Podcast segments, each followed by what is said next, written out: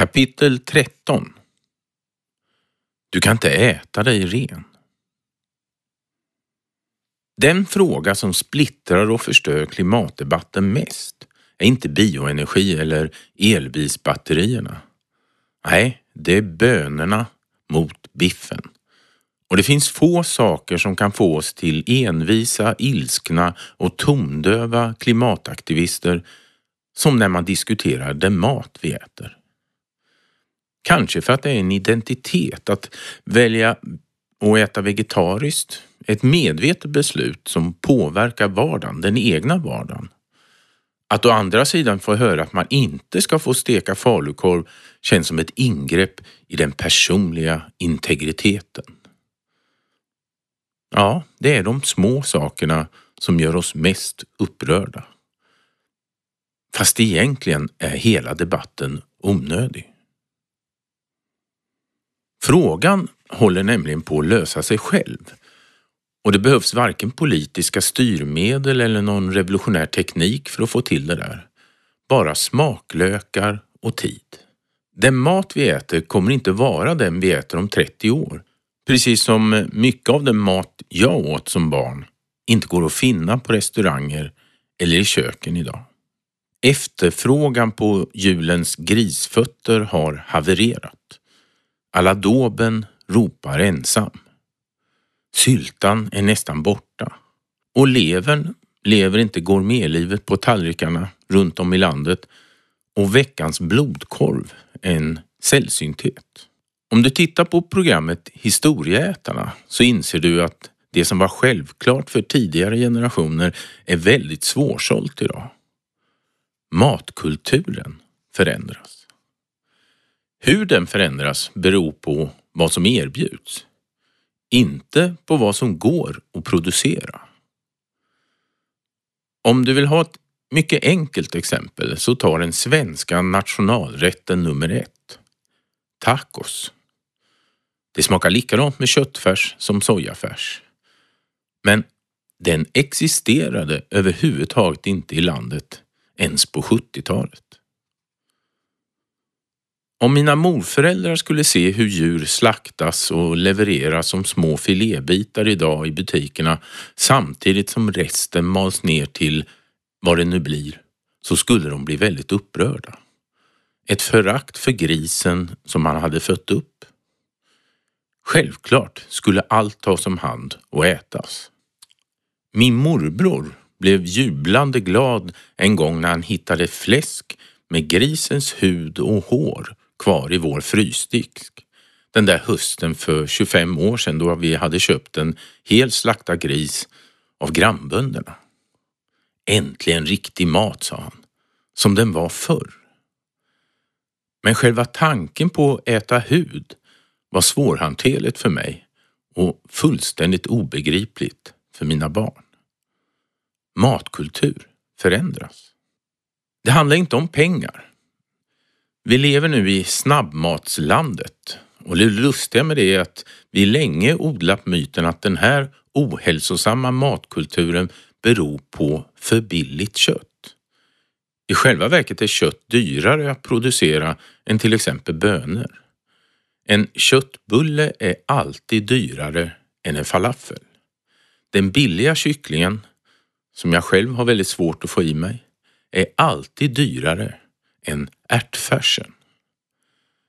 Vår matproduktion handlar inte om vad som är energieffektivast eller enklast.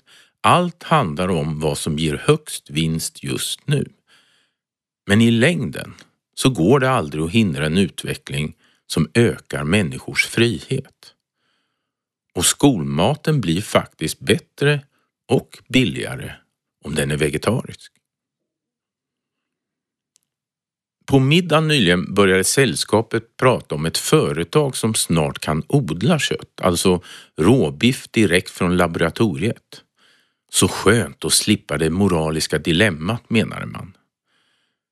Själv är jag övertygad om att det där aldrig kommer att genomföras. I så fall skulle vi faktiskt redan äta maskhamburgare, för det är både billigt och enkelt.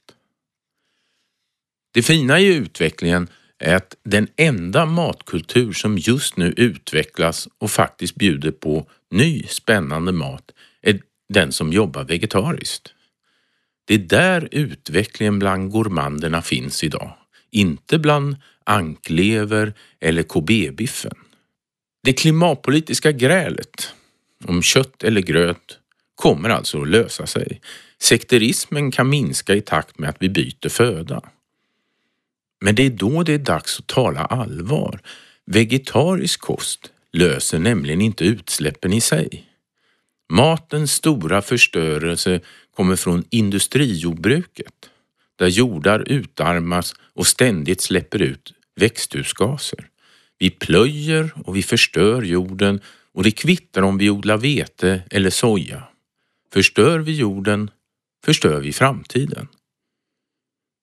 Jämförelsen mellan komjölk framtagen i småskaligt kretsloppsjordbruk och havremjölk framtagen i en utarmad åker är komplicerad och det är en fin fälla för klimatgräl som inte leder någonstans. Utsläppen från gräsätare är stort, men ingen vill därför förbjuda hästar som det finns fler av än kor i Sverige. Utsläppen från det andra jordbruket är större än utsläppen från gräsätarna globalt enligt IPCCs senaste rapport. Den som tror att klimatpolitik runt mat handlar om kött lurar sig därför. Den handlar om fossilt industrijordbruk. All mat kan produceras klimatsmart. Vad vi ska äta handlar om vår syn på djur och vilken matkultur som utvecklas. Nej, vi kan inte äta oss klimatrena. När man gör kalkyler på personers utsläpp så blir skillnaden mellan den som är vegan och den som äter kött tre gånger i veckan faktiskt väldigt liten. Kanske skapar köttätaren ett eller 200 kilo mer växthusgas med sin konsumtion. Däremot är skillnaden mellan den som har bil och den som cyklar enormt stor. Och allra störst skillnad ligger mellan de som flyger och de som avstår. En gång till. Klimathotet handlar om energi. Men om vi enas om att rädda matjorden från all fossil energi och konstgödsel och missbruk, ja då kommer vi framåt. Och det går ju. Det finns myter överallt. De som hävdar att vegetarianers bönor och soja är ett stort klimatutsläpp i sig pratar faktiskt goja. Vi kan odla soja och bönor i Sverige. Vi kan ha ärtodlingar och vi kan skapa ekokretslopp som föder invånarna i och runt städer. Vi måste inte importera amerikansk besprutad majs eller lågvärdigt vete från konstgödslade megaåkrar i EU. Men det är inget fel att importera ekomat om den fraktas klimatneutralt. Det går åt mindre yta matjord om vi bara äter vegetariskt. Mindre arbete och mindre laggårdar som drar el och vatten. Det blir dessutom mer vildmark där djuren kan få leva Ja, hör nu hur de vilda korna råmar i skogsdungarna. Men det där är en diskussion som har mycket lite med klimatkollapsen att göra. Det finns ju odlingstekniker bortom de konstgödslade industrijordbruken med de här inlåsta stackars djuren. Vi häller ju i princip olja på åkrarna och kallar det konstgödsel. Det viktigaste vi kan göra akut är att få bort det där. Igår åt jag frikadeller gjorda av en gammal ärtsort, gråärtor, som växer utmärkt i Sverige. Den lagrar kväve och räddar mark från konstgödsel och förstörelse. Den unge mannen som lagade den förstod revolutionen. De smakade ljuvligt men det är också politiskt och klimatmässigt en fantastisk insats. Vi har all teknik och kunskap för ett storskaligt hållbart jordbruk idag. Kalla det permakultur eller robotodling ner på ärtnivån utan plogar och utsläpp. Vi kan odla mat utan förstörelse Och det där är en jätteseger över hela matindustrin som i årtionden jagat billig fuskersättning för bra råvaror. Herregud, vi i Sverige matar till och med vinterhungriga småfåglar med fröbollar som innehåller palmolja. Det blir alltså godare mat. Nej, det finns ingen ekonomisk eller politisk makt som i längden vinner över folks smaklökar. Varför äta skit när det goda är billigare? Och om matproduktionen ägs lokalt innebär det också nästa maktförändring. Ja, vi måste odla. Vi måste äta.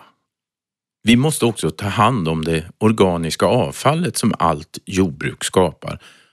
Och det är där nyckeln till lösningen ligger. För vi kan faktiskt skapa klimatren odling utan utsläpp redan idag. Vi har gjort det. Hemligheten är ett kärl med mikrobiologiska bakterier och så lite skit under naglarna.